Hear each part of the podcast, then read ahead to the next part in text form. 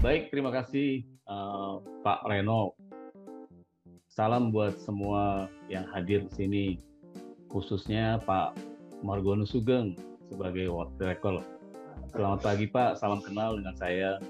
Pagi Pak. Tadi ada Pak Hasan juga. Salam kenal Pak, saya Adi Suwana dari PT Berantas Paya, khususnya LPK dan LSP-nya. Salam kenal Pak, terima kasih sudah hadir ya Pak ya. Sama-sama Pak dengan uh, rekan moderator, rekan pembicara juga, Prof. Selamat pagi, Prof. Sehat selalu, Prof. Prof. Dwita. Uh, pagi ini uh, saya ingin menyampaikan, sebetulnya saya ingin menyampaikan kabar.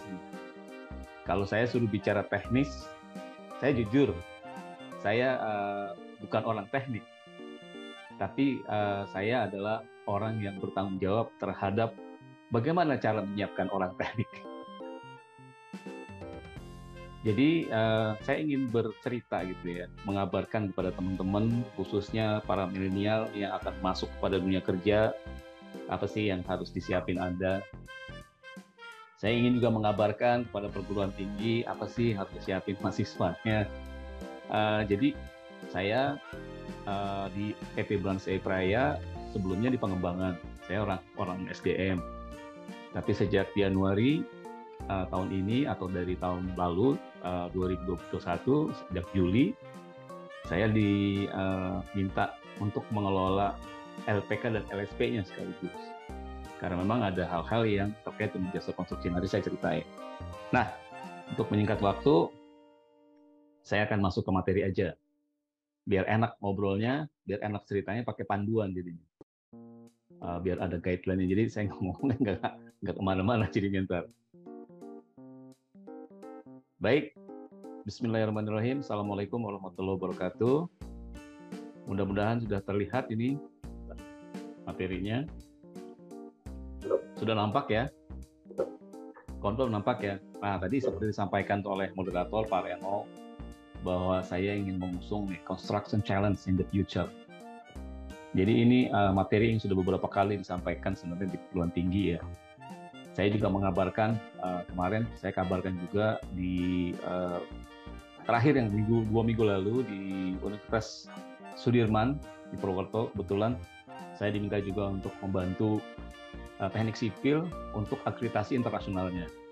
Jadi saya dua sudah dua kali itu membantu uh, Universitas Sudirman untuk akreditasi alhamdulillah yang sekarang mau ditingkatin jadi internasional.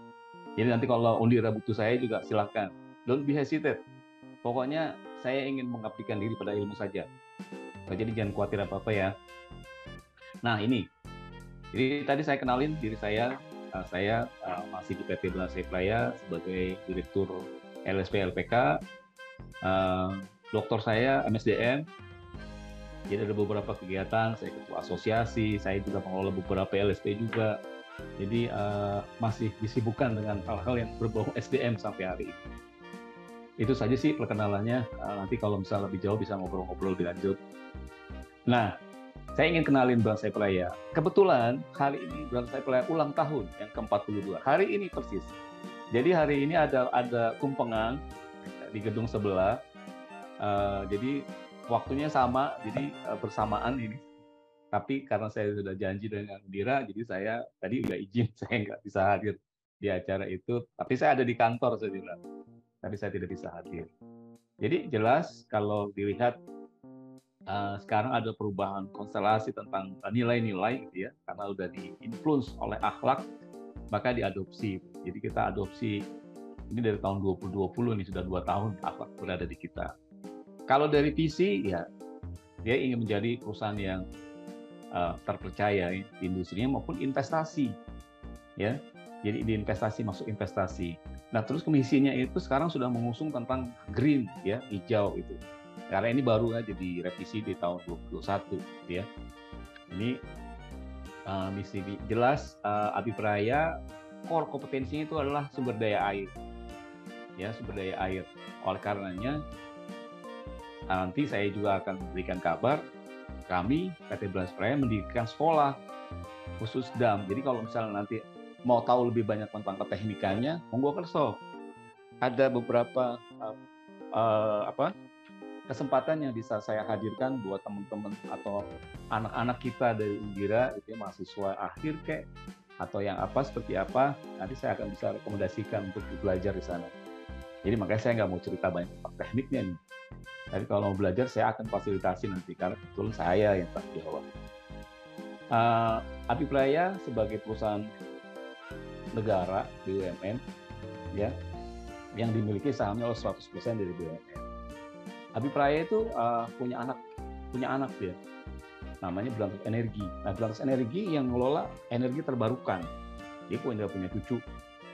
Ya, jadi Abi Praya punya cucu tuh ada tiga cucunya. Ada Gebelen, Gebelen yang uh, properti. Nah, ada nih Beck. Beck itu konsultan. Ya, Beck itu konsultan. Nanti uh, saya juga sampaikan uh, apa kiprahnya terkait dengan teknologi itu ya. Nah, ada associate. Jadi tol Cisumdawu itu ada uh, Abi Praya ada di situ. Di tol Purbawangi Abi Praya di situ. Tol Jogja Bawen ada di situ, di Jalintim juga ada di situ. Jadi Abi Praya sudah tidak sumber daya air lagi, tapi sudah berkiprah di semua sektor sama dengan saudara-saudaranya yang lain. Tapi tetap core kompetensinya adalah sumber daya karena kita akan mengembangkannya lagi di sektor spam nanti. Spam akan jadi satu hal yang uh, investasi kita. Nah ini perjalanan investasinya bisa dilihat dari 2019 sampai 2023 dari sekarang ini yang nanti kita kita akan laksanakan uh, pemaksimalan dari bendungan-bendungan yang ada di Indonesia. Jadi kalau cerita tentang bendungan ya seperti yang yang paling dekat lah dari kita itu Ciawi yang untuk pengendali banjir itu ya uh, itu uh, PT Beras Praya untuk kiprah. Ya, jadi kalau cerita uh, Abi Praya ya ceritanya pasti akan berkisar dari air ke air gitu ya. Karena memang hidupnya dari air. Karena jadi backbone, backbone PT Abi Praya itu adalah sumber daya air. Nah, jadi di tahun 2023 ini nanti kita akan uh, masuk kepada investasi ya uh, eh, IPO gitu. Uh, kemudian spam juga tapi lebih banyak kita akan memanfaatkan bendungan-bendungan yang ada. Nanti karena kenapa? sekarang sudah masuk pada fase untuk dilakukan uh, maintenance pada bendungan-bendungan. Karena yang paling lama kan ada kan, yang dulu pertama kali bikin Batas Saya Praya, hari ini Batas Saya Praya harus melakukan perbaikan-perbaikan juga. Jadi putarannya seperti itu. Nah, ini banyak isu nih sebetulnya yang terkait dengan sumber daya air ya, uh, banyak sekali. Jadi dari era era Pak Jokowi itu sebetulnya ada 60 bendungan yang akan dibangun dengan nilainya sampai 3.000 triliun itu. Tetapi satu dan hal sekarang uh, kita terakhir yang sedang dikerjakan nanti saya juga akan berikan kaitan dengan dengan uh, penerapan teknologi ya kaitan itu. Sekarang kita sokong IKN uh, ibu kota negara kita kita support penuh itu. Nah, jadi sekarang uh, saya mau mulai bercerita. Saya ingin berbagi cerita sebagai orang yang ngurus sumber daya manusia yang di Peraya. Sebentar lagi, ya sebentar lagi, dua tidak dalam lagi dua atau tiga tahun, maka korporasi itu akan penuh dengan milenial. Ya, korporasi itu yang anak-anak kelahiran dari tahun 83 sampai uh, tahun 2001 itu sekarang sudah uh, ada di puncak nih. Karena sekarang uh, eh, BUMN itu sudah me mencoba untuk bisa menampilkan direksi-direksi dari milenial ya nah sekarang juga hampir semua di BUMN karya juga uh, di mau awalnya sih dari dari PU-nya sendiri ya. PU itu sekarang banyak anak muda yang jadi pejabat. Nah, sekarang jadi jasa konstruksi. Nah ini penting bagi kita untuk mengetahui hal ini. Bagi kita uh, para pendidik ya universitas lingkungan universitas itu ya. Kita uh, mau seperti apa? Jadi apa yang harus kita siapin buat mereka gitu untuk bisa masuk ke dunia kerja itu? Ada banyak hal yang sekarang sudah berubah tata laksananya, tatanannya sudah berubah gitu ya. Dulu orang tua kita ya para para pendiri gitu kan, bagaimana yang mereka berusaha untuk bekerja habis-habisan. Nah itu kemudian lahirlah baby boomers gitu ya. Mereka uh, meneruskan itu gitu kan. Nilai-nilai itu sangat dijunjung tinggi oleh mereka.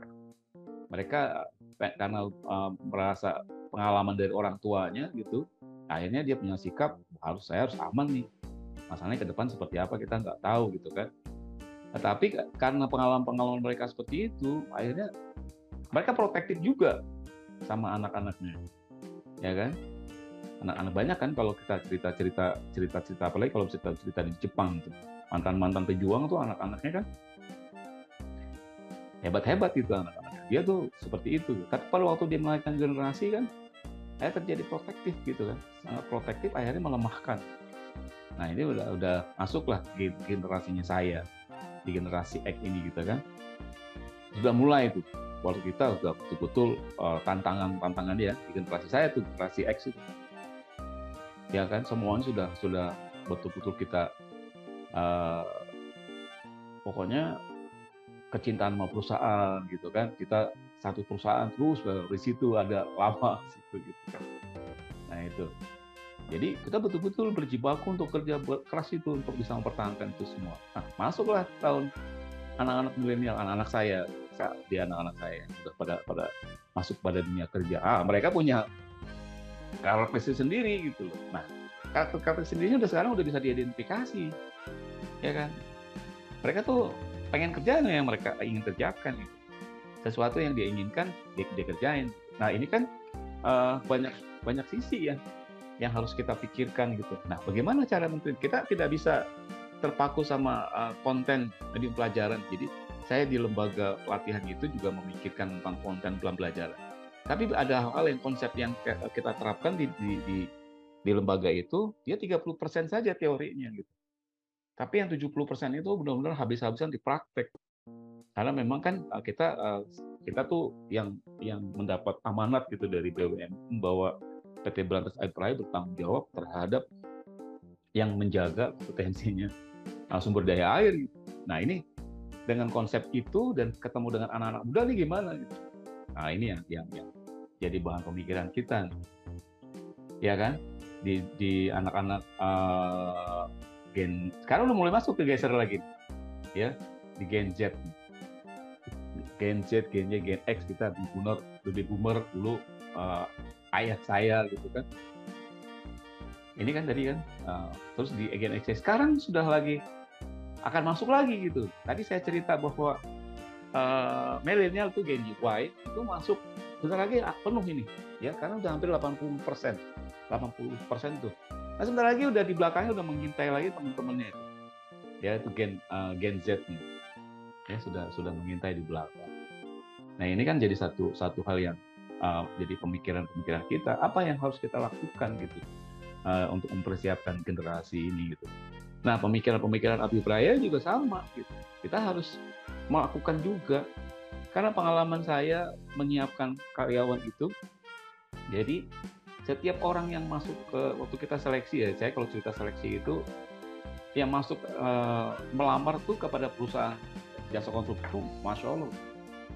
Saya pertama berkiprah 2014 untuk melakukan itu bertumbuh terus kan seperti apalagi kalau misalnya kita lihat ada rekrutan bersama BUMN itu kan nah itu bisa diketahui juga itu. Berapa yang diterima ujungnya itu? Kadang-kadang nggak sampai satu persennya nah ini sebuah challenge ya buat uh, kita dunia uh, usaha dan dunia pendidikan juga demikian juga supaya bisa untuk terus bisa mendekatkan dirinya gitu ya ke apa bentuknya seperti itu. Ya Undira sebagai suatu institusi yang memang mengembangkan pendidikan yang menghasilkan uh, sarjana-sarjananya itu mungkin perlu lahir sebuah konsep dan menjadi uh, menjadi uh, identitas bagi bagi Dira gitu untuk masa depan seperti apa. Dengan angkatan-angkatan muda dosen-dosennya juga muda Pak Remold masih muda tuh. Saya ada kawan di sana Pak Didin Pak Didin Tikma juga kawan saya uh, sama-sama dari UNJ juga. Saya kenal beliau juga ya sohib saya tuh. Jadi uh, bukan anak-anak muda juga ya. Nah ini kan uh, yang akan menggiring kita kan kepada konteks uh, pelaksanaan industri ya, implementasi industri yang kayak sekarang udah pada era ini kan udah 4.0 nih gitu loh. Seperti apa? ya uh, ada kan lintasan-lintasan ini gitu kalau misalnya kita membeli pembelajaran juga gitu tapi ini harus kita sadarkan kepada mereka gitu situasi dan kondisinya seperti apa gitu eh sekarang sudah 4.0 loh industri dulu dimulai tahun uh, tahun 1900 gitu ya revolusi industri di Inggris tuh yang pertama sampai sekarang gitu. di era milenium ini seperti apa gitu terkembang kan sudah sedemikian cepatnya gitu loh perubahan teknologi itu ya. Kadang-kadang nggak usah jauh-jauh lah perubahan cepat teknologi itu dilihat aja barang-barang kita pegang tiap hari. Dari mulai handphone sampai laptop itu kan semuanya kita beli uh, sekarang setahun nggak lama lah setahun paling paling lama udah rusak kita punya barang gitu kan nah itu kan tentu gitu cepatnya kita perubahan-perubahan. Nah itu juga sama. Dalam dunia konstruksi juga sama juga kan? Ya uh, kalau kita lihat kan perkembangannya dari zaman zaman neolitik gitu kan terus sampai ke zaman sekarang gitu kan. Nah ini telah jadi revolusi juga kan pendekatan-pendekatan itu. Nah ini yang yang jadi yang jadi satu sesuatu yang kita ingin ajarkan tuh apa sebenarnya kepada anak-anak kita, ya uh, bahwa ini loh uh, tantangan di dunia konstruksi ya kan? Dari dari dari waktu ke waktu seperti apa kita akan melihat itu semua. Dan uh, formulasi formulasi apa? Ah tambah lagi. Nah, tambah lagi dengan kondisi-kondisi yang yang sekarang gitu ya tiga tahun kita dalam pandemi. Apa yang kita pelajari? Kalau kita lihat kan perkembangan teknologinya nih ya uh, kita di standar kompetensi BUMN itu ada satu yang namanya teknologi itu ada satu keharusan di semas ya. Kalau dia ingin memimpin bisnis yang di, di yang kompetensinya uh, tantangannya dan professional qualification-nya ini ya. Di professional qualification-nya kita bisa lihat ini teknologi yang jadi satu hal yang ya. Selain kita kalau memimpin perusahaan dan organisasi seperti apa gitu saya lebih ke fokus ke teknologi. Nah ini tuh ada ada ada ada ada yang menjembatani jadi uh, eh, BUMN menetapkan ini gitu. Tapi waktu itu ternyata memberikan satu bukti gitu. Peristiwa dan keadaan dan kondisi itu membuktikan gitu bahwa teknologi itu jadi sesuatu yang harus kita sadarkan kepada banyak orang gitu, terutama anak-anak kita. Terkait dengan penunjang dia untuk uh, mengejar karirnya, ya. Uh, terkait itu. Jadi harus dikenalkan. Apalagi kalau teknik sipil gitu. Nah teknologi-teknologi apa gitu Saya uh, jujur nih, saya cerita-cerita ini terus nih. Saya karena saya menemukan. Gitu. Jadi uh, saya waktu di pengembangan dulu uh, merekrut, ceritanya masih pegang rekrutmen itu, saya keliling Indonesia. Teman-teman semua ya, Bapak dan Ibu, para hadirin semua. Saya keliling Indonesia. Saya dari mulai Aceh sampai ke Patimura itu saya jelajah. Ya, jadi ada satu perguruan makanya ini uh, uh, Undira Undira uh, boleh uh, masih usianya muda. Berapa tahun Undira usianya? Pak Reno. Sudah mau masuk tiga tahun tiga tahun. Walaupun masih muda, tetapi jangan sampai ketinggalan kait dengan pengetahuan dan teknologi. Karena ada universitas senior itu, universitas yang sudah lama, itu dia tidak dosen itu sampai tidak tahu bagaimana keren itu diangkat. Bisa naik ke atas itu bagaimana? Bisa naik ke atas tuh keren itu bagaimana tuh keren itu? Nah, ini kan bahaya. Kalau dosennya nggak ngerti, gimana ngajarin anaknya? Jadi sekarang kita punya problematika ini udah lama nih saya saya sampai ke dikti nih ngomong ini karena saya ada beberapa saya pernah juga bicara saya uh, juga di samping saya bicara tetapnya uh, eh, PU ini kalau misalnya ada apa-apa itu saya sering juga panggil PU untuk bicara jadi saya pernah uh, satu panggung dengan Dirjen Dikti itu saya juga ceritakan tentang hal ini gitu kan jadi yang namanya magang itu nggak bisa cuma anak murid aja atau mahasiswa Prof Prof Dwita, Pak Sugeng. Jadi nggak bisa itu. Yang cuma magang itu yang cuma anak anak-anak anak-anak kita mahasiswa. Ternyata dosennya harus magang tuh. Karena itu tadi kejadiannya itu sampai sampai ada dosen yang ini mungkin udah masa lalu ya beberapa tahun yang lalu, kemudian sekarang udah ada. Tapi ini jadi satu perhatian buat kita gitu. bahwa yang namanya uh, ada standar kompetensi yang dituntut oleh oleh dunia industri itu ya yang kita nggak bisa nggak bisa ngikutin tuh harus satu keharusan buat kita untuk bisa ngikutin ini kalau melihat perkembangan teknologinya kan sekarang ini ya akibat pandemi itu yang namanya kerja hybrid kan udah jadi sesuatu. Ini kan oleh-oleh kita ya. Cara tata laksana kerja kan. Tata laksana kerja kita sekarang itu di ujungnya adalah hybrid. Kita nggak bisa oleh-oleh dari pandemi itu dunia usaha itu harus sadar ya kan saya cerita anak saya baru masuk kerja lulus psikologi belum di wisuda baru kemarin dia wisuda tapi sudah diterima kerja karena dia pengen saya mau belajar kerja nah kerja dia tuh sekarang nggak nggak lagi kayak saya tiap hari masuk kerja. Dia ada ada di rumahnya dua hari tiga hari masuk dua hari di rumah. Ya tiga dua hari di rumah terus tambah sabtu minggu yang empat hari dia di rumah berarti. Ya tapi seperti itu gitu. Karena anak saya itu lahir dari pandemi sarjana pandemi. Itu ya sarjana Zoom. Karena kuliahnya di Zoom terus tuh sampai selesai itu kan Zoom pandeminya belum berakhir dia udah selesai nah ini satu kenyataan itu oleh-oleh yang kita terima gitu ya bahwa di, di ke, depan nah, tantangannya gitu loh. Oleh-olehnya pertama itu tadi. Hybrid. Ya. Terus ada lagi sekarang tadi Zoom masuk. Ya kan teknologi udah satu keharusan. AI ya kan AI udah harus keharusan. Ya. Nah sekarang udah lagi harus mikirin lagi tentang orang yang kerja kerja di depan komputer kayak gimana gitu. Nah akan terjadi nanti akan banyak orang-orang yang sudah me, kalau kita tidak berpikir maka pekerja-pekerja potensial yang ha harusnya hadir itu ada seperti dulu banyak itu bisa jadi bisa terjadi nggak ada ntar. Nah, ini tantangan yang harus kita lihat sebagai uh, institusi yang melahirkan sarjana gitu ya ini jadi satu isu-isu yang yang uh, kami di dunia industrinya juga di dunia usahanya betul-betul harus memikirkan ini. Udah beda banget.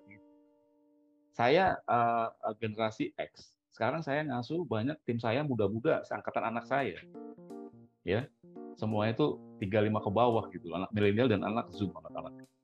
Tim-tim saya di LPK sama LSP. Saya bangun, saya minta anak muda semua. Gitu supaya saya bisa mewariskan ini ke terusin deh gitu. Saya nyiapin mereka untuk bisa teruskan. Karena saya menempatkan diri LPK dan LSP-nya sebagai guardian of kompetensi yang jagain kompetensi itu kalian.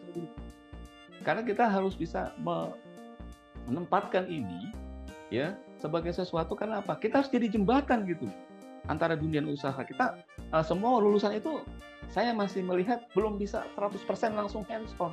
Masih harus diberikan masa matrikulasi, kami memberikan masa matrikulasi di sini sampai enam bulan supaya mereka tuh bisa uh, bisa masuk gitu. Supaya mereka bisa langsung bisa masuk. Enam bulan.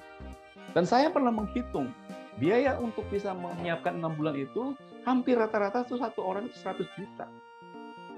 Ya kan? Nah ini yang selalu juga saya katakan ah, kenapa sih kita tidak bisa mau membawa untuk bisa memperkuat saja gitu uh, di perguruan tinggi itu yang disupport habis-habisan dengan skor kompetensi masing-masing. Universitas agar dunia industri itu tidak lagi harus menyiapkan itu gitu. Eh tapi kondisinya memang memang masih demikian.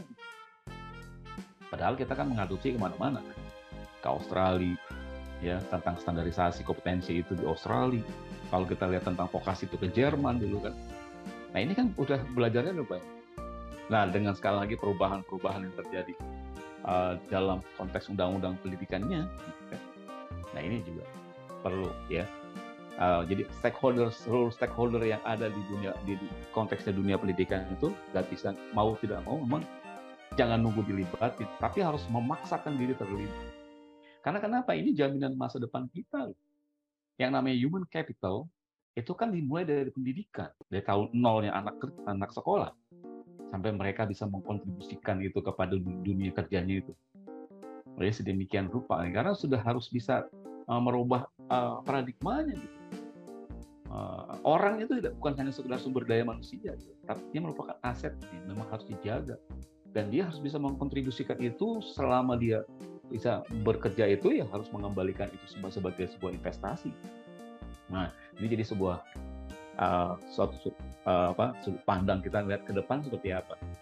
Karena uh, kalau kita hanya bisa berada di dalam di dalam lingkungan hari ini saja gitu sebagai sebuah institusi tidak mempersiapkan segala sesuatu untuk esok kita akan kalah dengan yang lain kita kalah dengan yang lain. Tetapi apakah harus sophisticated untuk sesuatu? Enggak juga gitu loh mas saya. Ya, tidak juga gitu. Kadang-kadang hal-hal sederhana banyak ditinggalkan orang. Ya, kita kalau misalnya lihat lihat uh, sesuatu, kadang-kadang kita terjebak malahan kepada kekinian terus kita harusnya canggih-canggihan gitu enggak juga ya. Eh sekarang nih kita tentang ah uh, uh, BIM ya kan? Building information modeling itu. Oh itu kan sekarang lagi hit banget gitu. Semuanya kalau nggak punya seperti itu atau anak-anak kita nggak nggak nggak belajar itu kayaknya uh, ketinggalan banget gitu ya kan? Nah ini kan ada cerita sejarahnya nih tentang itu kan ya. Dulu orang ngegambar nih begini kan? Orang dulu orang ngegambar gitu dari sini. Ini boleh jalan bergerak. Wah wow, sekarang udah dulu orang sampai deprok-deprok nih kayak ya sekarang kan. Tapi ya sekarang udah pakai itu kan augmented reality kan AR itu kan dipakai seperti ini ya kan semuanya sudah. Ini suatu proses perjalanan. Proses perjalanan yang yang uh, buat buat saya uh, namanya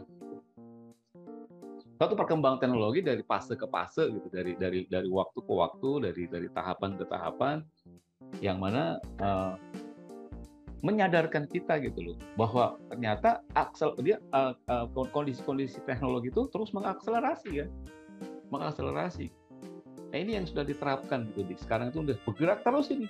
Nah jadi kita anak-anak anak anak muda kita gitu anak kita ya, terus terusan di, di, didekatkan dengan hal-hal yang seperti ini. Apa yang terjadi? Ya, pada dasarnya semua uh, institusi perusahaan itu membuka diri, membuka diri, benar. Cuma kadang-kadang kita dari dari perguruan tinggi itu nggak tahu pintu mana yang harus diketuknya, ya, nggak tahu pintu mana, ini ketok-ketoknya yang mana nih harusnya kita bisa supaya bisa memberikan uh, wacana apa wahana baru. Karena kan sekarang uh, kekinian kan banyak profesional-profesional kayak saya yang diminta masuk ke perguruan tinggi yaitu dari uh, tahun berapa ya saya tuh Dirjen peneliti tuh dari tahun 2015 2016 tuh udah gaungkan itu gitu loh. Kalau bisa semua para praktisi itu masuk gitu loh. Nah, boleh sekali-sekali uh, Undira itu minta ke saya untuk dihadirkan dosen yang uh, tamu gitu ya untuk mengajarkan tentang sumber daya air. Kasih tahu saya. Saya akan kirim nanti orang. Gitu karena uh, instrukturnya itu kan yang para jagoannya ada di saya ya ada di lembaga uh, pengembangan kompetensinya kan lembaga pelatihan kerja di sana instruktur-instruktur yang sudah uh, kalau di potensial level 9 udah ahli semua 789 7 muda 8 uh, media 9 ada semuanya itu mau cerita tentang apa gitu nah, bolehlah nanti kita uh, bisa teruskan itu ya ini ya tadi ya uh, seperti ini gambar besarnya nih kan nah ini bendungannya. Nah, ini saya nggak bisa cerita banyak nih. Jadi kalau misalnya cerita ini, ini uh, apa namanya? Saya harus nyontek. Uh, terkait dengan bendungan, ya. Nah, teknologinya yang dipakai kayak terowong. Nah, bagaimana bikin terowong? Ceritanya bagaimana bikin terowong? Ya. Nanti lebih lebih baik lagi kalau mau tema saya Undira mengadakan sesuatu event atau kuliah umum gitu ya, yang minta untuk uh, pakarnya dari Api Praya itu ngajarin ini. Oh saya siapin, saya kirim nanti, ya. Nah saya punya jagoannya di sini, level 9 tuh ahlinya gitu ya, yang kelasnya udah kelas ya ahli loh, insya Allah, ya. Jadi uh, boleh ya, mendingan biar dengerin langsung secara teknisnya uh, undang ya. Nanti urusan apa-apanya segala macam urusan saya. Tapi pokoknya yang penting Undira bisa ngundang kapan waktunya suruh dia ngomong gitu. Mau ngomong tentang apa? Anak didiknya mau tahu tentang apa sampaikan saya nanti saya carikan saya saya ngomong karena gini yang nggak diketahui banyak orang kalau teman-teman saya disuruh ngomong di perguruan tinggi itu seneng asal tahu aja bahagia banget deh kenapa karena saya selalu meminta kepada mereka ilmu jangan dibawa mati Ngapain dibawa mati? Kasih banyak orang. Jadi jariah. Jadi mereka semangat untuk memberikan jariahnya dengan ilmu pengetahuannya mereka yang sudah bapak, sudah timbul tenggelam di dalam dunia SDA ini. Nah, saya hadirkan. Minta ke saya. Insya Allah saya akan hadirkan. Saya akan bantu. Ya. Karena kenapa ini berlaku juga di tempat lain.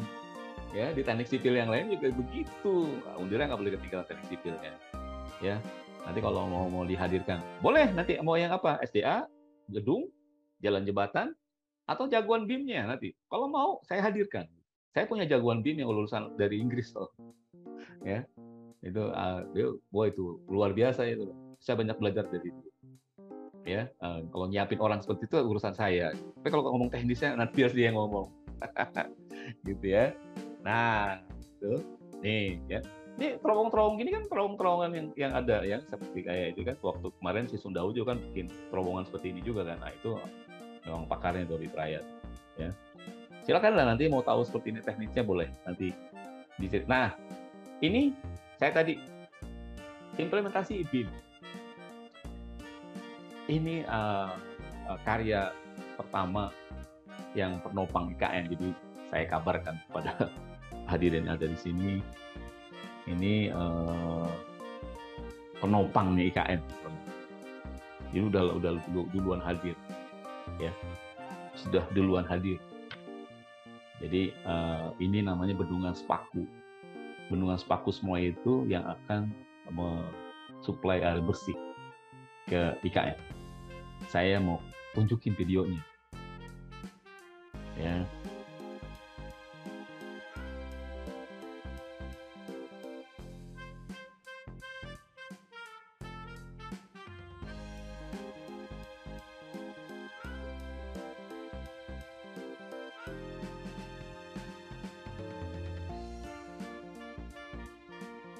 Di mana ini bendungan Sepaku semua ini?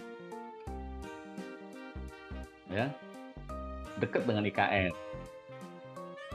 Jadi eh, perjalanan dari bendungan Sepaku Semoy ke pusat kota IKN nanti itu perjalanan setengah jam. Apalagi kalau pas tol ya. Sekarang tol sedang dibangun. Ya. Jadi ini kalau kalau ini saya minta dari teman-teman yang yang ini nih, yang buatnya nih, uh, buat buat provokasi aja ya gitu ya uh, kalau mau oh pak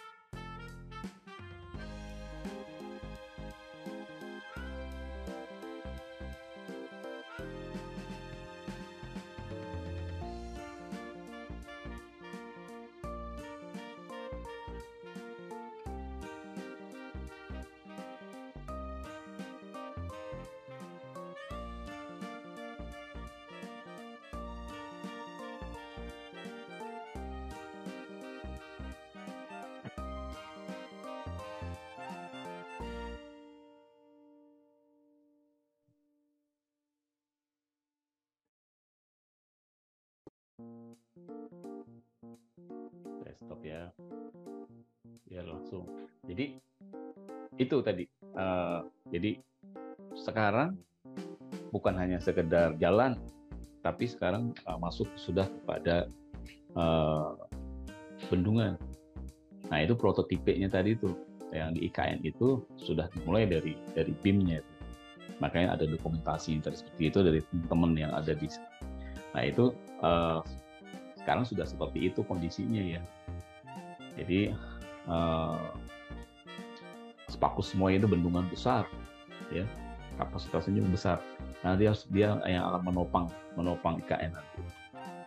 Jadi kalau kita lihat ya uh, cerita tadi bahwa teknologi itu ada satu harusan. Ya, udah udah dilihat dari dari terkait dengan pengalaman uh, perekrutan yang sekarang terjadi itu saya mencontohkan kemarin pada waktu perekrutan di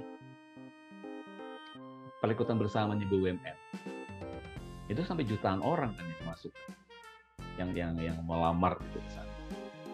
Ya, situasi padahal situasi Covid masih ya kan bagaimana caranya mereka melakukan itu saya tahu banget. Saya uh, kalau tidak ada alat bantu gitu, itu akan sangat sangat kesulitan. Nah akhirnya uh, teknologi dalam konteks uh, diterapkan dalam rekrutan pun akhirnya ter, terintervensi juga. Mau tidak mau sekarang harus orang udah harus uh, melihat itu. Saya asesor MSDM, ya asesor, uh, asesor kompetensi. Sekarang untuk mengakses orang saja gitu ya kaitan dengan beberapa kalau SDM uh, masih jarang ya. Tapi kalau misalnya untuk yang lain tuh seperti kayak teknik sipil saja gitu.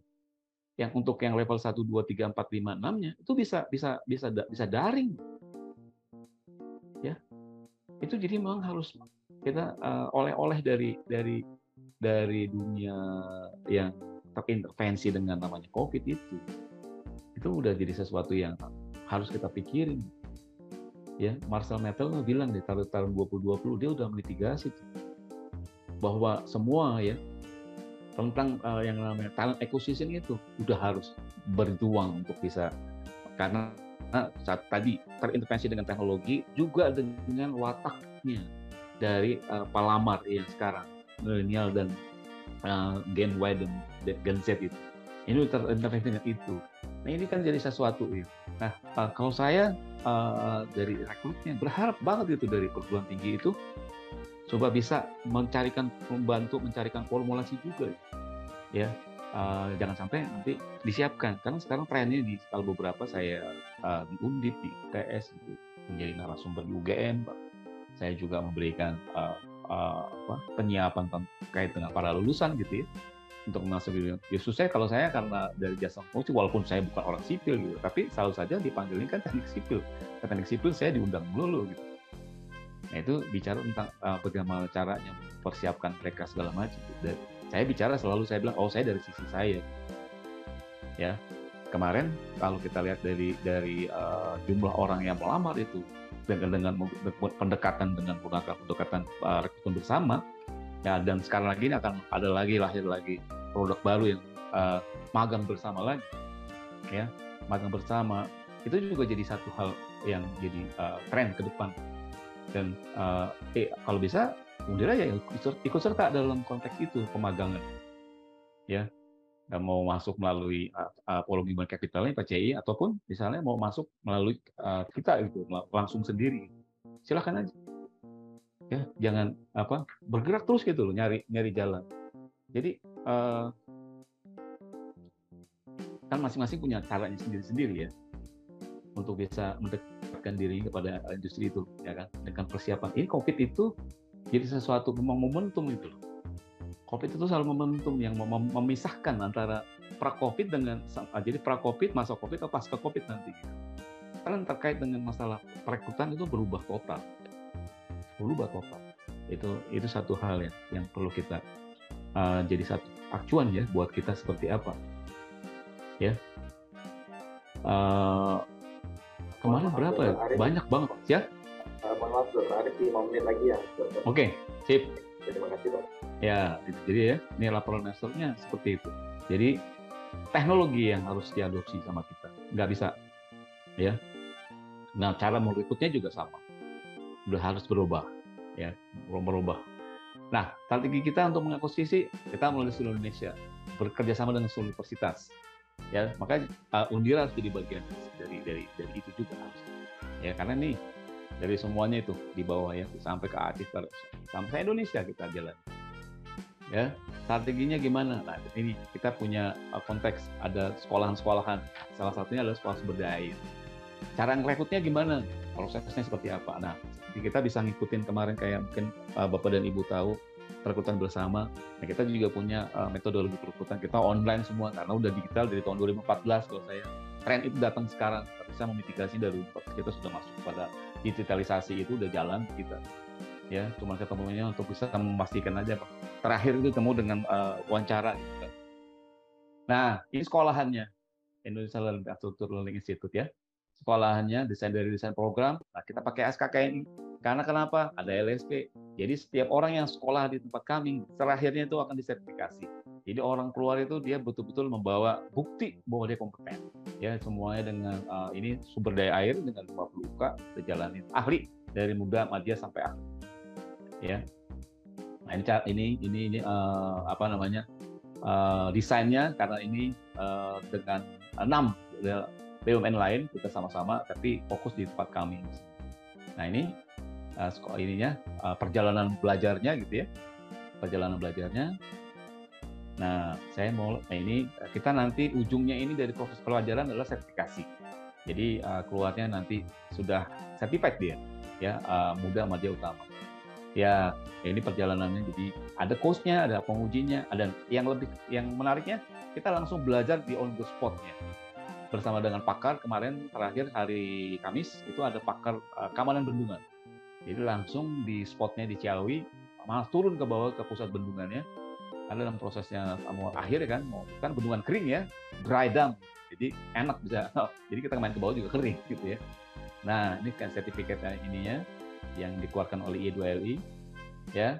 Jadi saya ber, beramanat sama teman-teman muda bijak berselancar menjadi pribadi pembelajar, agile, mengerti perannya, visioner, terus bersemangat mengembangkan perusahaan. Ini saya ambil dari perusahaan sendiri. Oke. Nah, itu kalau mau mau be, be, apa ada hal lain yang saya mau dibincangkan boleh. Nah, ini ada lokasi sekolah nih.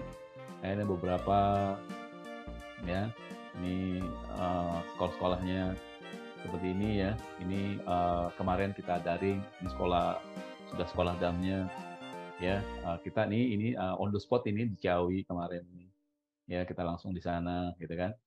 Uh, jadi Nah ini Ciawi, bendungan Ciawi. Ya bisa kapan-kapan kalau misalnya ada yang pengen tahu juga boleh. Karena, karena kalau mau mau ini kita langsung ke pusat bendungan ini. Kemarin ada kasus yang ada di sini. Jadi kita langsung studi kasusnya langsung on the spotnya belajar bersama-sama para pakar eh, ini para pembicara ini kemarin. Ya, nah, ini semua anak-anak muda semua kita kita minta. Kalau yang tua-tua tuh berarti udah pakar banget. Ya, kita memang uh, minta Oke, itu Pak Reno dari saya. Terima kasih banyak yang bisa saya sampaikan. Jadi saya mendongeng saja Pak Reno. terima kasih Mas. Mas silakan. Ya, terima kasih.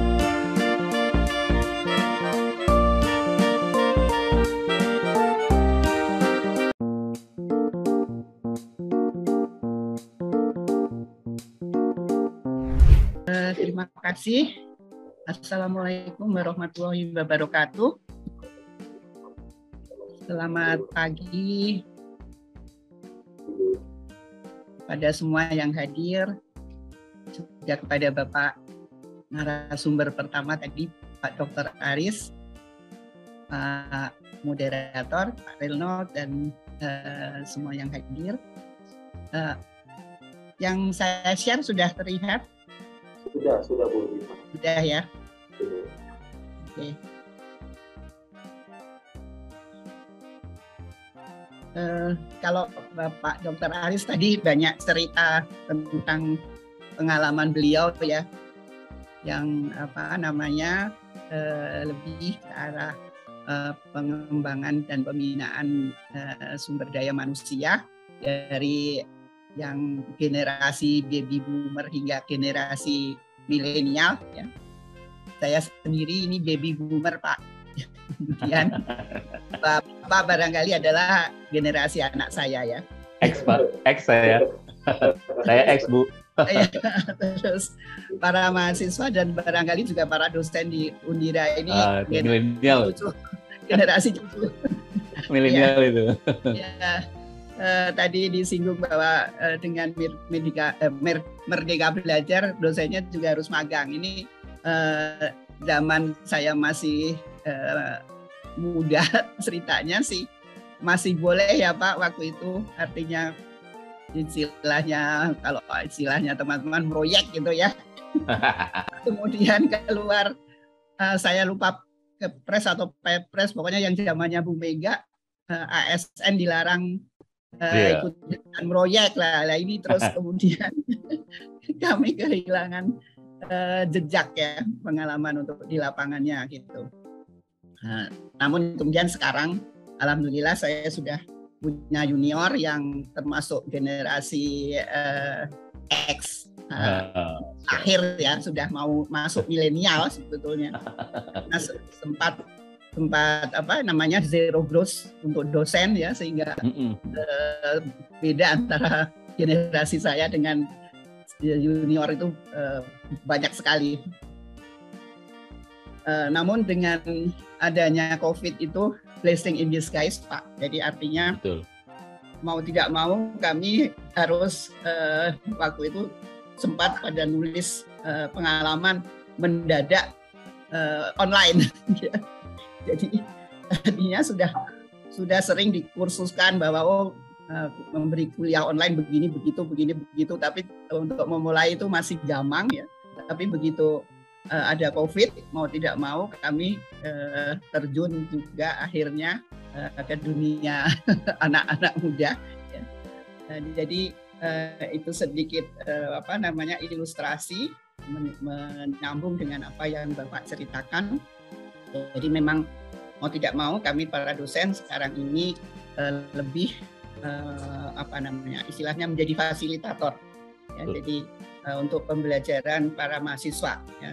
Tidak lagi kami menjadi satu-satunya sumber belajar, namun uh, kami berusaha membuatkan uh, apa namanya track untuk bagaimana mahasiswa itu mendapatkan atau membangun pengetahuannya sendiri. Nah, jadi ini yang yang sedang dikembangkan, artinya terus walaupun sudah sudah uh, generasi baby boomer juga harus terus belajar demikian Pak. Uh, pada waktu saya diminta untuk memberikan sesuatu yang terkait dengan uh, pembangunan di bidang sumber daya air, uh, tentu kembali lagi uh, saya adalah bagian dari NATO ya Pak, jadi uh, no action talk only. Namun mudah-mudahan apa yang yang uh, saya pelajari, alami maupun amati uh, bisa menjadi uh, apa namanya uh, pembelajaran bagi para mahasiswa uh, Undira ya, dan dan mudah-mudahan bermanfaat. Ya.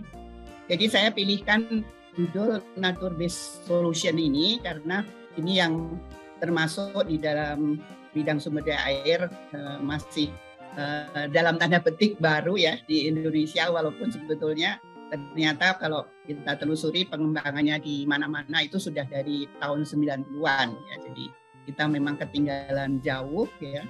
Namun tidak masalah daripada kita tidak bergerak sama sekali.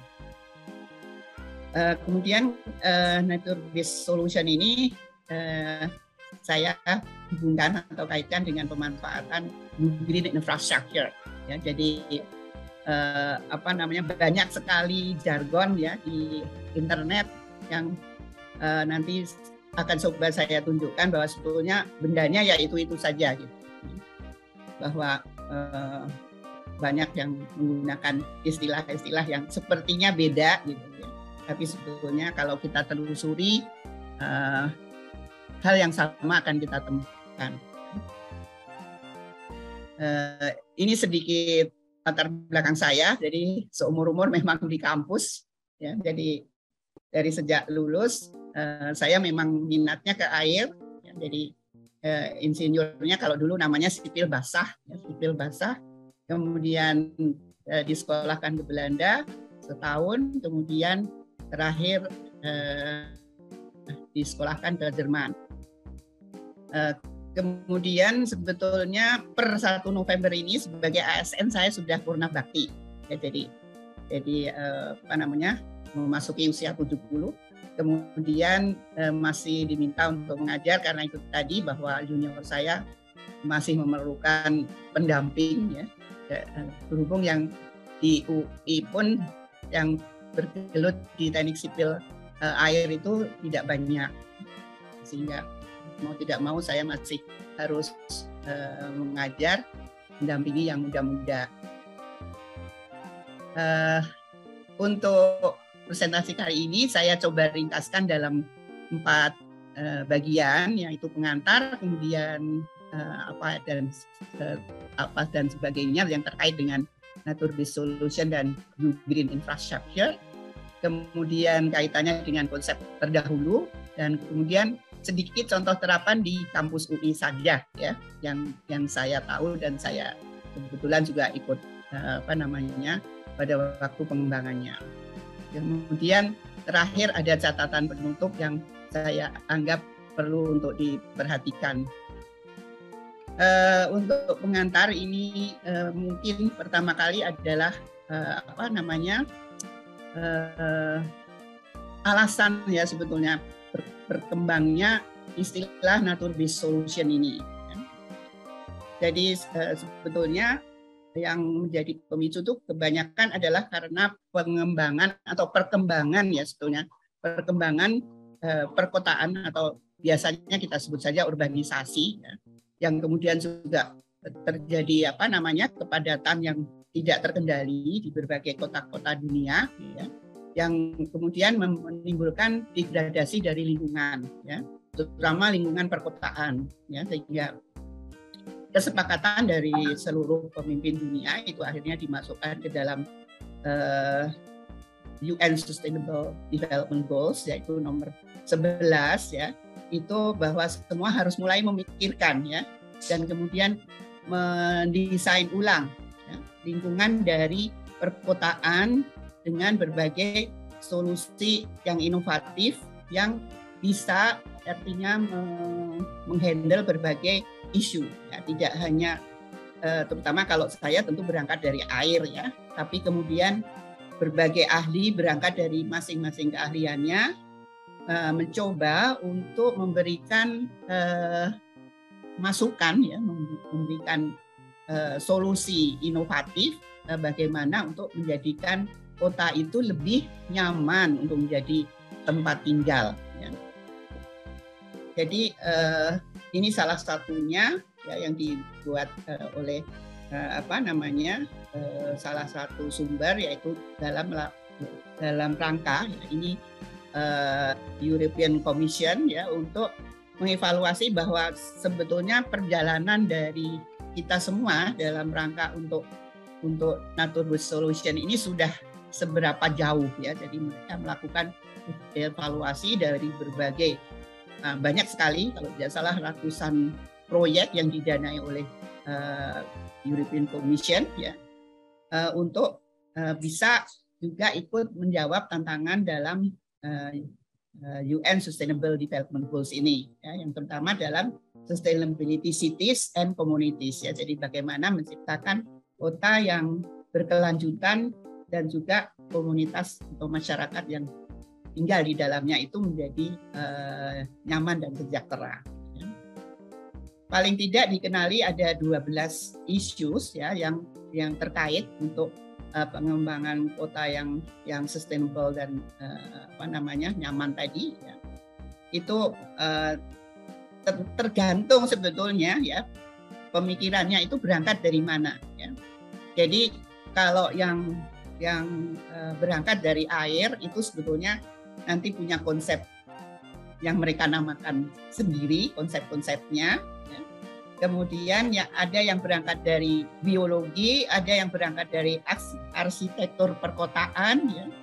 ada yang berangkat dari masalah sosial ekonomi kota dan seterusnya. Ya. Sehingga kemudian muncullah atau bisa dikelompokkan menjadi 12 ini ya. Misalnya mulai dari green space management ya bagaimana mengelola uh, apa namanya uh, wilayah hijau ya wilayah hijau kemudian di dalam kota ya. Kemudian health and well-being itu tentu dari orang-orang kesehatan ya. Kemudian dari biodiversity enhancement itu dari orang-orang biologi ya misalnya. Kemudian uh, participatory planning and governance itu dari teman-teman sosial misalnya seperti itu. ya. Uh, kemudian social justice and social cohesion ya dari teman-teman misalnya POM misalnya. Jadi uh, berbagai isu tersebut ya yang uh, paling terkini di, di uh, hembus-hembuskan adalah tentang climate change sebetulnya ya. Jadi bagaimana ancaman dari climate change itu harus dihadapi oleh berbagai kota yang selama ini perkembangannya itu uh, dalam tanda petik ya tidak terkendali ya seperti itu.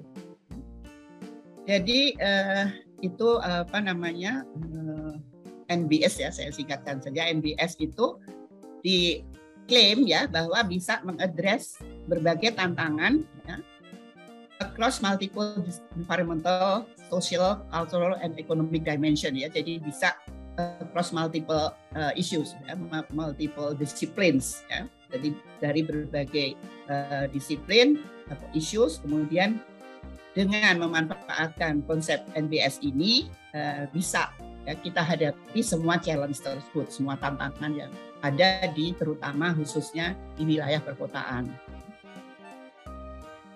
Uh, kemudian uh, ini dicoba untuk ditelusuri sebetulnya uh, akar masalahnya itu uh, dari mana ya jadi uh, di sini ada yang dicoba dikenali sebagai urban pressure. Jadi bagaimana kehidupan di wilayah urban atau di wilayah perkotaan itu memberikan uh, pressure kepada masyarakatnya atau kepada manusia yang hidup di dalamnya ya mulai dari water pollution kemudian kebisingan kemudian polusi udara kemudian uh, ancaman banjir kekeringan kemudian kekurangan sumber daya, kemudian bahkan juga kriminalitas, ya, dan juga kemudian eh, pemanasan, ya, pemanasan yang lokal yang diakibatkan oleh berbagai kegiatan di dalam kota. Ya. Eh, yang kemudian intinya itu akan mengancam ya eh, kesehatan dan juga kenyamanan dari kehidupan eh, manusia yang tinggal di dalamnya. Ya. Jadi itu urban pressure yang coba dikenali, yang kemudian eh, option jadi hilang optionnya ini nantinya adalah yang bisa dijawab oleh NBS tadi ya. jadi ini lanjutannya nanti uh, akan didetailkan ya. ini antara lain juga yang dikenali oleh sumber uh, lain ya sumber lain di sini saya cantumkan semua sumbernya di mana saya mengambil resourcesnya ya uh, di sini dikatakan ya diklaim lagi ya bahwa nature based solution itu good for biodiversity ya. Kemudian good for disaster risk reduction. Kemudian good for our health. Kemudian important for jobs and business dan vital for the climate. Ya, ini yang yang uh, terakhir di uh, dengung-dengungkan karena memang sudah mulai nyata uh, adanya pengaruh dari perubahan iklim ini ya walaupun sebetulnya masih banyak juga yang menyangkal, namun berbagai evidence itu menunjukkan bahwa memang benar telah mulai terjadi eh, perubahan iklim. Jadi kalau bicara mengenai uh, definisi ya uh, silahkan ya nanti. Definisi itu kalian uh, apa namanya cari sumber lain bisa saja bunyinya lain ya. Jadi tidak masalah. Ini salah satu yang bagi saya cukup cukup uh, sederhana dan uh, jelas ya. Uh, terutama yang uh, ini ya solution ya. Namanya juga nature solution ya. Itu solution atau pemecahan masalah yang diinspirasi ya dan didukung oleh alam ya. Kalau menurut klaim yang sudah melaksanakan ya artinya dari berbagai proyek yang Eh, terutama oleh European Commission berikan yaitu mereka ratusan proyek ya tapi tentu di wilayah Eropa ya itu cost efektif ya. Kalau tidak salah juga yang berlangsung di Amerika juga mengatakan demikian ya cost efektif kemudian bisa menjadi eh, apa namanya sekaligus ya sekaligus dia juga menyediakan ya untuk uh, bisa kita mendukung terjadinya resilience ya ketahanan dari masyarakat kota ya baik dari aspek lingkungan sosial dan ekonomi ya. Nah kemudian uh, solusi ini ya kemudian juga bisa men, apa namanya menyediakan ya berbagai uh, unsur alam dan juga fitur alamiah ya yang berproses di dalam kota. Baik juga selain dalam kota sebetulnya untuk berbagai uh, lanskap yang lain ya bahkan juga untuk uh, wilayah coastal ya wilayah pesisir ya. Di sini catatannya adalah through locally adapted ya. Jadi harus diadaptasikan ya.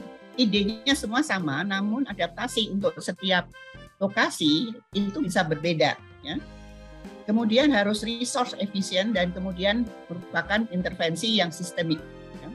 Nah ini yang yang biasanya ya kalau hanya menangkap idenya kemudian tidak tidak uh, menangkap esensi bahwa sebetulnya ini harus locally adapted ya ini yang kemudian terjadi berbagai uh, terapan yang kemudian tidak tepat ya kemudian yang berikutnya oleh uh, sumber lain dikatakan ini NBS adalah action to protect. Ya.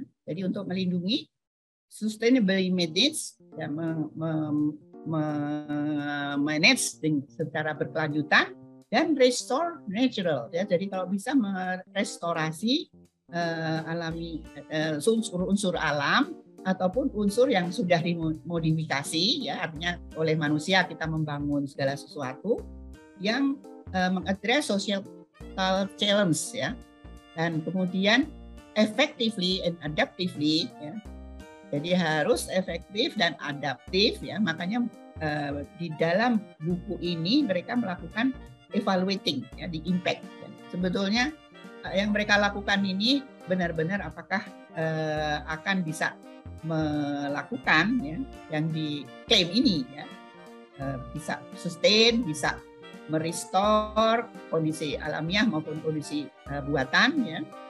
Built environment biasanya dikatakan seperti itu. Kemudian juga masalah sosial ya. Kemudian juga bisa uh, human well-being ya kesejahteraan masyarakat yang tinggal di dalamnya dan yang penting juga adalah biodiversity benefit ya jadi uh, itu saya juga baru tahu setelah sekolah di Jerman ya bahwa di sungai itu tidak hanya ada air, ada sedimen dan ada eh, apa namanya polutan, tapi juga ada makhluk di dalamnya ya, yang juga berhak hidup. Ya ini yang yang sering kali eh, barangkali kalau orang-orang sipil eh, saya dulu juga di, dikatakan oleh eh, apa namanya junior saya eh, ngapain sih kita urusan apa namanya urusannya orang biologi gitu ya. Misalnya mau tahu itu ya bahwa dengan orang sipil membangun ini as, eh, apa namanya pengaruhnya terhadap kehidupan di air itu bagaimana gitu ya. Kenyataannya banyak sungai-sungai kita yang terutama yang di perkotaan itu sebetulnya sudah kategori sungai yang mati ya jadi artinya sudah seperti saluran uh, drainage saja ya sudah bukan sungai yang mempunyai atau yang bisa mendukung kehidupan di dalamnya jadi itu kalau mau ikut uh, definisi silahkan kalau mau menem, uh, bisa menemukan yang lain juga tidak masalah. Ya. Kemudian uh, di sini dikatakan juga bahwa NBS ini didesain untuk bisa menyediakan ya lebih banyak uh, unsur alam dan juga juga fitur dan proses alamiah ya yang berlangsung di kota-kota ya. Kemudian di uh, bagian lain dari kalau uh, orang orang air biasanya kita bekerja dalam daerah aliran sungai ya. Kemudian juga di uh, pesisir ya. Mulai dari gunungan kemudian wilayah tengah kemudian wilayah hilir. Biasanya kota-kota itu ada di wilayah hilir kemudian di pesisir-pesisir ya. Kemudian eh, dikatakan juga bahwa solusi yang inovatif ini ya diharapkan juga mendukung ya, economic growth ya, karena perkotaan jadi nyaman dan seterusnya penduduknya juga senang, sehat ya. Kemudian kriminalitas berkurang dan seterusnya. Ya. Kemudian bisa create job and enhance our well-being. Ya. Jadi menjadi lebih uh, nyaman hidup di perkotaan yang seperti ini. Ya. Uh, kemudian uh, dipertanyakan ya, how different NBS can work together ya. Bagaimana berbagai uh, apa namanya inovasi NBS ini ya untuk berbagai landscape ya untuk bisa membangun resilience ya daya tahan dari penduduknya ya. Jadi uh, dikumpulkan seperti ini ya misalnya mulai dari pegunungan ya hutan dan uh, apa namanya das hulu ya kemudian di bagian tengah uh, rivers and wetland jadi wetland itu misalnya rawa-rawa dan seterusnya baik yang uh, yang uh, alamiah maupun buatan ya. Kemudian lahan pertanian kemudian perkotaan dan juga pesisir. Di sini dicoba untuk di uh, apa inventarisasi ya. Uh, sebetulnya hazardnya itu apa? Ancaman bencana yang ada di masing-masing landscape ini apa gitu ya. Kemudian uh, solusinya yang mungkin untuk dilakukan di situ itu bagaimana ya. Nah, jadi uh, seperti itu. Ini uh, nanti silahkan dibaca uh, sendiri ya karena uh, waktunya nanti hanya 30 menit ya uh, antara lain misalnya kita bisa melihat ya bahwa kalau di hulu katakanlah ya itu ancamannya misalnya landslide ya longsor kita tahu beberapa waktu ini banyak sekali apa namanya berita tentang tanah longsor ya. Kemudian eh, eh, apa namanya? Eh, erosi ya di daerah hulu karena eh, tempatnya yang masih terjal, kemudian hujannya biasanya juga deras ya. Nah, sehingga di situ alternatif solusinya adalah protect and restore resource uh, forest ya. Jadi bagaimana kita merestorasi hutan-hutan ya, masih mungkin tidak gitu ya kemudian eh, bagaimana melakukan stabilisasi dari tanah ya untuk bisa mengerem ya kecepatan eh, limpasan air air hujan ya terutama pada waktu hujan lebat ya misalnya seperti itu ya jadi nanti silahkan saja diperhatikan masing-masing di wilayah landscape yang seperti apa yang kemudian eh, ancaman bencananya apa dan kira-kira apa yang bisa dilakukan di sana ya. Kemudian eh, kita lanjut dengan apa itu blue green infrastructure. Ya.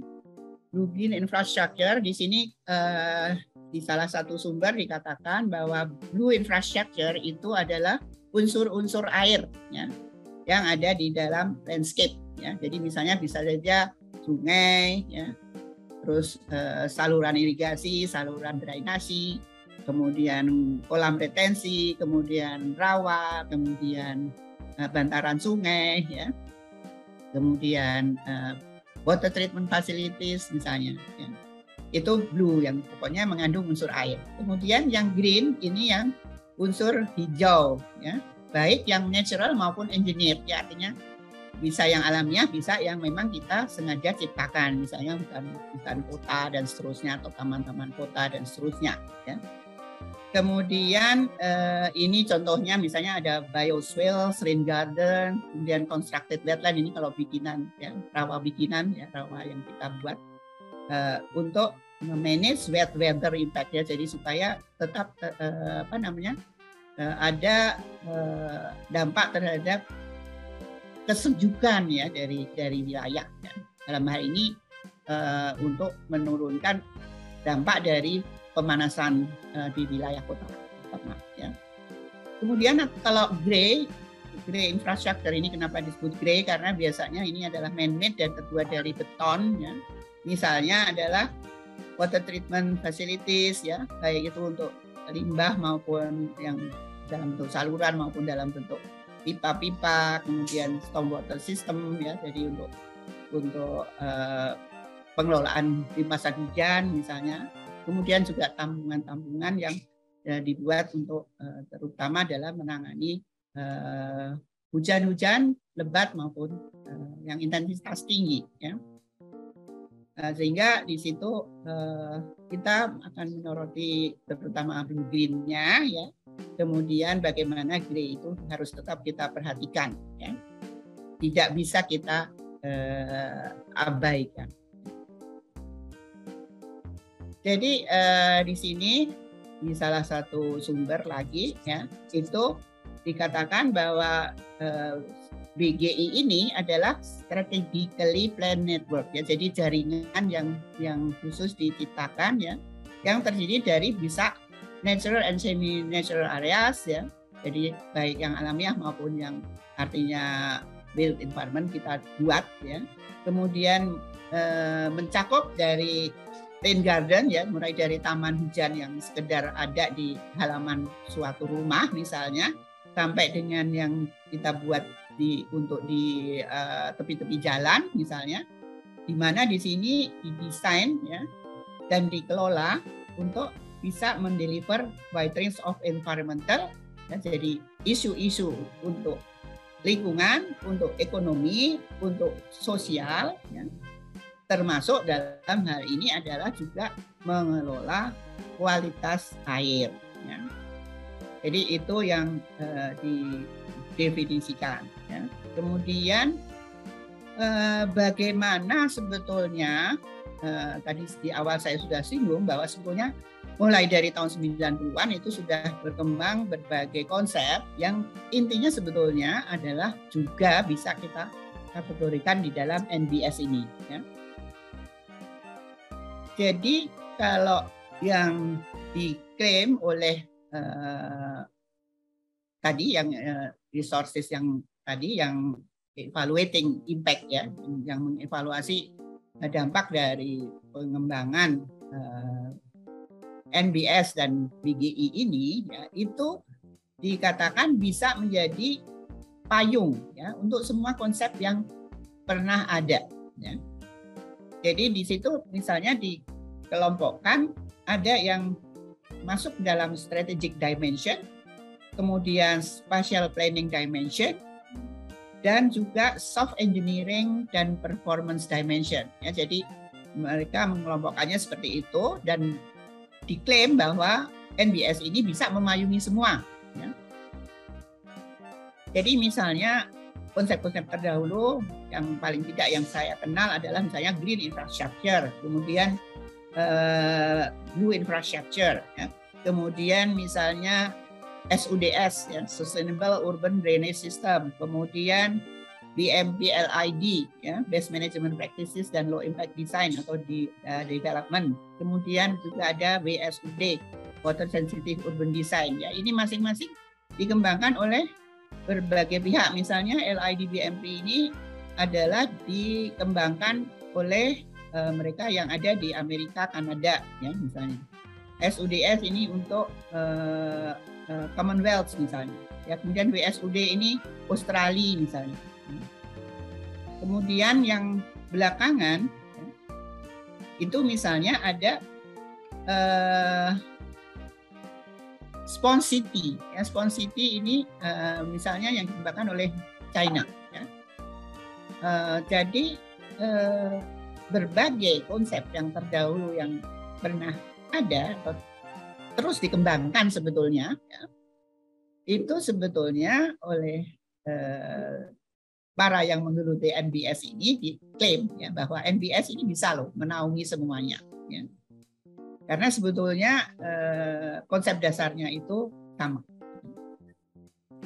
Jadi pengembangannya kalau kita fokus pada kota ya itu di awal itu memang hanya memikirkan bagaimana kita bisa memberikan pasokan air ya, terutama tentu inginnya adalah air bersih, air minum ya, kepada suatu kota. Ya. Itu itu di di era-era awal pengembangan perkotaan. Ya. Kemudian mulai dipikir bahwa oh ternyata kota itu juga memproduksi limbah, ya, limbah cair. Ya. Nah, untuk melindungi uh, masyarakatnya, bagaimana mulai dipikirkan mengelola juga limbahnya ya tidak hanya memikirkan bagaimana memberi pasokan airnya tapi juga memikirkan bagaimana mengelola limbahnya Kemudian juga timbul masalah bahwa semakin berkembang kotanya, kemudian kalau e, terjadi hujan lebat dan sebagainya, mulailah terjadi banjir di mana-mana dan mulai dipikirkan bagaimana melakukan drainage. Ya. Nah, Jadi inginnya pokoknya tidak ada tempat yang tergenang air ya sehingga konsepnya adalah bagaimana mengembangkan suatu sistem di mana kemudian wilayah kota itu bisa cepat kering ya tidak uh, tidak tergenang air, oleh air banjir. Uh, kemudian mulai dipikirkan bahwa oh ternyata kita juga harus memikirkan bahwa perairan itu adalah juga uh, habitat dari makhluk-makhluk yang tinggal di air.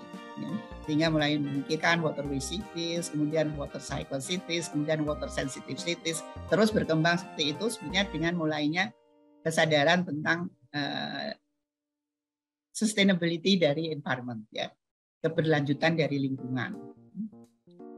Jadi uh, seperti itu. Kemudian tadi juga saya sudah pernah menyinggung, jadi blue green infrastructure ini sebetulnya tergantung dari berangkatnya masing-masing expert ya.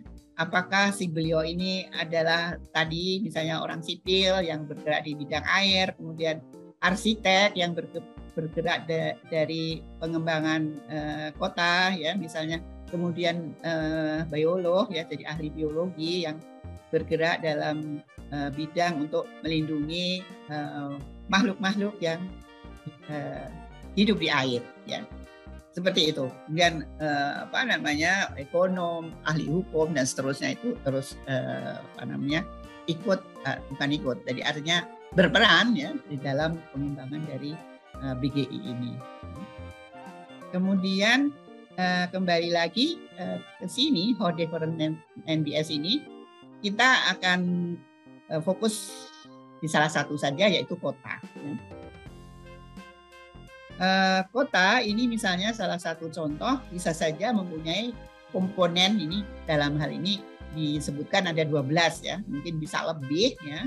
Mulai dari uh, bangunan gedung jalan kemudian pepohonan kemudian uh, apa namanya solar water heating ya.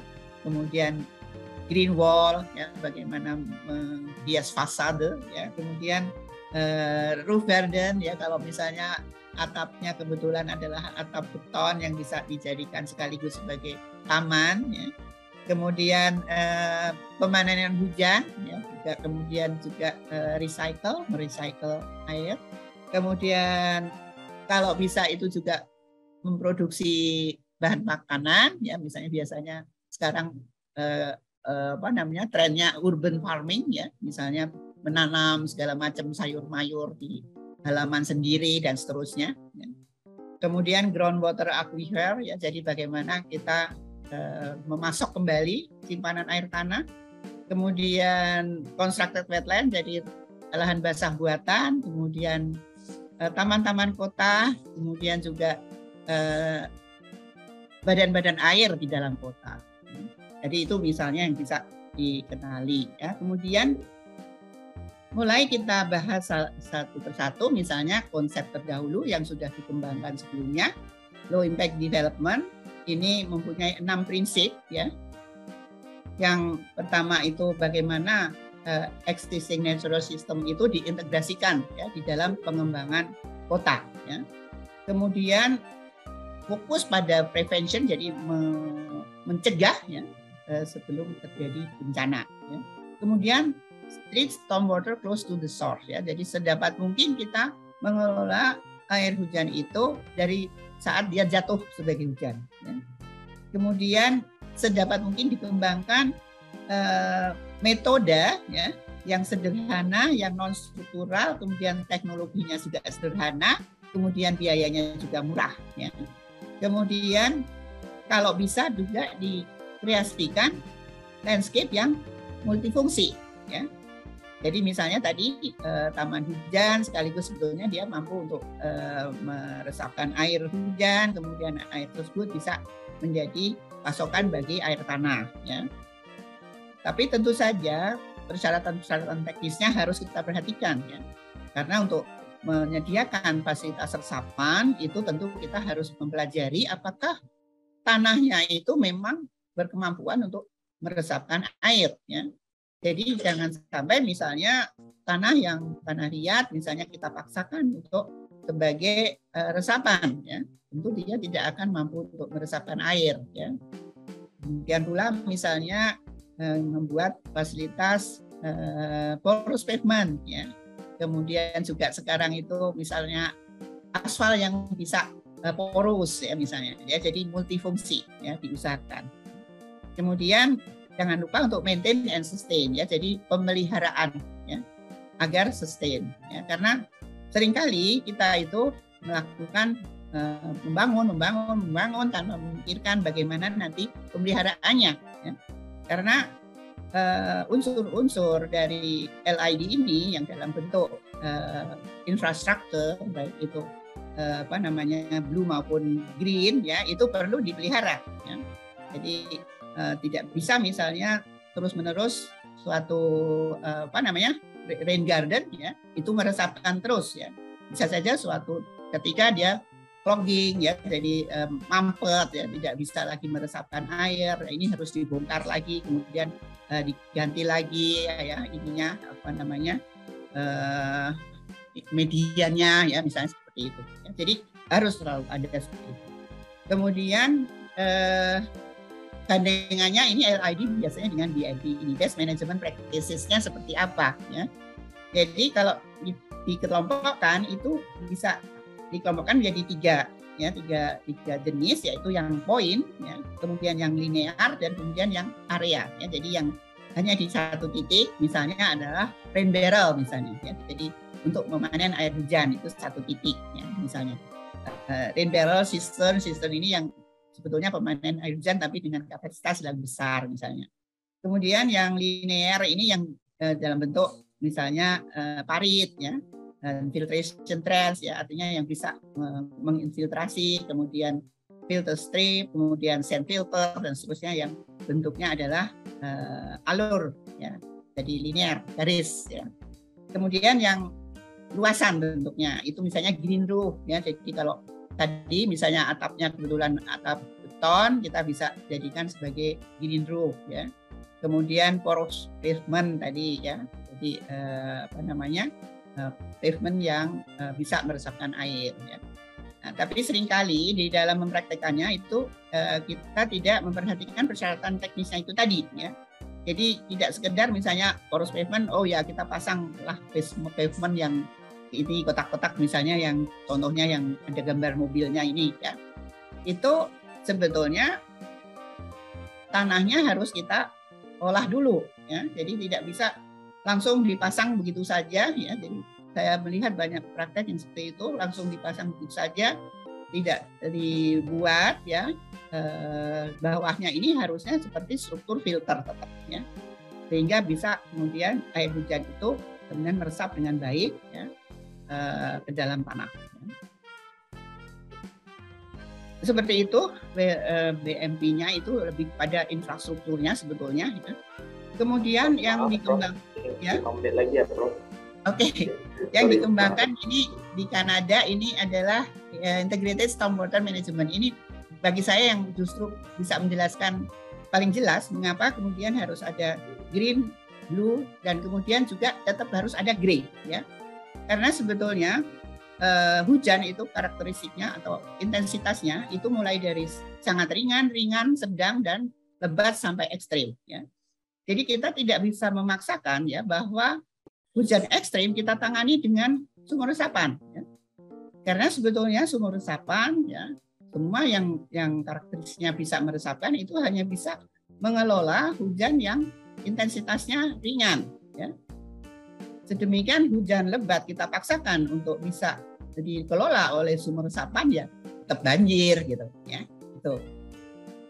Kemudian eh, SUDS filosofi ini juga seperti itulah kurang lebih ya. Nanti ya dibaca sendiri ini yang eh, dikembangkan kebanyakan di Commonwealth country ya. Kemudian green infrastructure ini dikembangkan oleh para arsitek perkotaan ya. jadi mereka melihat dari struktur kota ya bahwa harus ada uh, taman, harus ada lokasi-lokasi yang dihijaukan, kemudian harus ada jalan, tepian sungai dan seterusnya yang juga dihijaukan, ya. kemudian membentuk suatu jaringan. Ya.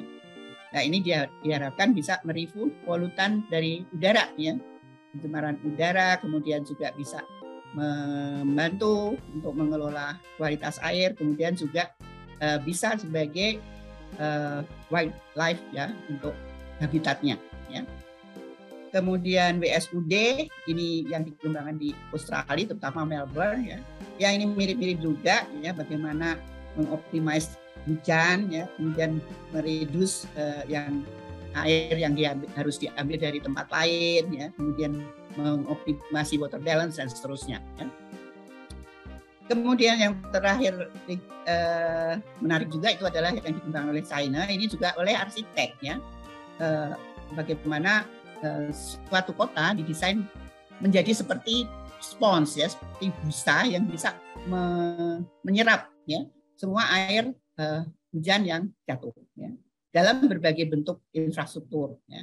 Nah ini mereka sebetulnya belajar kembali dari kearifan e, nenek moyangnya, ya, dan bahwa bahwa semua hujan itu harus dikelola dan dimanfaatkan dengan baik, ya. jadi jangan menjadi sumber bencana. Ya. Itu sebenarnya sama juga dengan yang tadi yang di Kanada, ya, itu juga water atau rainfall is resources, ya, jadi sumber daya bukan sumber bencana. Gitu. Tapi biasanya memang yang bisa optimum memanfaatkan ini adalah yang hujan tahunannya itu tidak terlalu besar seperti Indonesia. Ya. Uh, kemudian ini benefitnya ya, kurang lebih kalau disandingkan tuh yang mirip-mirip ya. Kemudian uh, ini contoh terapan di kampus UI Depok. Ya. Kalau ada yang belum tahu Depok itu kita punya unsur blue ya, blue infrastructure-nya ada enam danau yang sebetulnya kolam retensi tapi kita menyebutnya danau kemudian unsur-unsur hijau, ya, bahkan atap dari perpustakaan pusat itu juga diberi rumput, ya. Terus kemudian eh, berbagai spot juga diberi rumput, kemudian eh, fasade dari bangunan, ya. Kemudian ini juga hutan kota, kita punya hutan kota. Ini ada yang saya beri eh, contreng hijau dan ada yang eh, merah. Yang merah ini kurang tepat ya. Sebetulnya kita harusnya bukan lagi median itu menonjol begitu, tapi seharusnya malah menjadi seperti uh, saluran ya, saluran hidup, saluran rumput. Ini, ini mestinya lebih baik poros pavement, jangan aspal ya. Uh, ini, ini uh, apa namanya sempadan danau, ini sudah bagus ya. Ini masih ada yang salah. Kemudian sebetulnya tantangan kampus UI itu adalah uh, limpasan dari luar kampus, ya, di mana kalau kita lihat lewat Google itu benar-benar sudah seperti uh, apa namanya kulit telur yang dipecahkan itu ya rumah semua ya nah, sehingga kita menerima banyak banyak uh, polutan dari luar kampus yaitu uh, mengelolanya di danau-danau tersebut meskipun belum efektif ya ini contohnya kalau dimodelkan ya seharusnya bisa dibuat apa saja baik di luar kampus maupun di dalam kampus. Ya. Kemudian catatan penutup ya. Tadi uh, saya singgung bahwa NBS ini berangkat dari berbagai uh, keahlian. Tapi sebetulnya diharapkan bahwa keahlian ini harusnya diterapkan ya untuk suatu kasus itu secara transdisciplinary ya jadi tidak lagi multidisiplin atau interdisiplin, tapi disebutnya adalah transdisiplin, di mana semua disiplin ini berpikir bersama untuk memecahkan persoalan yang terjadi di suatu tempat, misalnya dalam ini suatu kota. Ya. Jadi tidak lagi masing-masing kekeh dengan keahlian masing-masing. Ya. Itu yang disebut transdisiplin. Ini ada definisinya, silahkan nanti dibaca ya untuk bisa membedakan antara multi, inter, dan trans. Ya. Kemudian yang juga diingatkan yang penting adalah stakeholder engagement program ya. Tanpa keikutsertaan dari uh, stakeholders terutama masyarakat, maka ini tidak akan berhasil. Bagaimana kita bisa membuat sekian juta sumur resapan untuk satu wilayah kalau masyarakatnya sendiri tidak tahu buat apa sumur resapan ya. Kemudian melihat bahwa sumur resapannya kok malah banjir ya dan seterusnya. Ya, kemudian Nah, ini catatannya juga dari European Commission. Uh, NBS cannot replace gray infrastructure, but rather should be integrated with it. Ya, jadi harus diintegrasikan. Karena terutama untuk wilayah-wilayah uh, basah seperti Indonesia, ya, maka hujan lebat dan hujan ekstrimnya itu memang benar-benar lebat dan ekstrim ya. Dan uh, salah satu contoh di kampus uh, teknik itu ada penangkap hujan yang dititipkan dari Balai Besar Wilayah Sungai Cilicis. Ya. Itu memang kalau di Eropa itu atau di Kanada itu misalnya hanya sedikit hujan lebatnya, sebagian besar adalah hujan ringan dan sedang. Di di kita itu sepertiganya adalah hujan lebat dan hujan uh, apa, ekstrim. Ya. Sehingga itu tetap di, harus dikelola dengan grey infrastructure. Nah, jadi kalau ini tadi konsepnya, ya, maka grey infrastructure tidak bisa di, dinafikan, ya tidak bisa diabaikan, harus tetap ada, yaitu untuk mengelola hujan lebat dan hujan ekstrim. Ya karena ada sepertiga dari waktu yaitu yang terjadi adalah hujan lebat dan hujan ekstrim. Ya. Sisanya kita boleh kelola dengan uh, tadi uh, blue dan green infrastructure. Itu saja catatannya ya. Jadi ini saya besarkan gambarnya. Kemudian sedikit uh, catatan ya dari uh, Al-Quran bahwa hujan itu diturunkan untuk menetap di bumi dan sesungguhnya kalau akan dihilangkan oleh sang pencipta itu bisa saja. Bayangkan kalau kita tidak ada air. Kemudian nampak kerusakan di darat dan di laut karena perbuatan tangan manusia. Nah, sehingga dalam hal ini kemudian Allah menurunkan akibatnya dari perbuatan kita ya, agar kita kembali ke jalan yang benar. Saya kira demikian. Terima kasih. Mudah-mudahan uh, ada sedikit pencerahan ya dalam waktu yang sangat singkat ini. Uh, wassalamualaikum warahmatullahi wabarakatuh.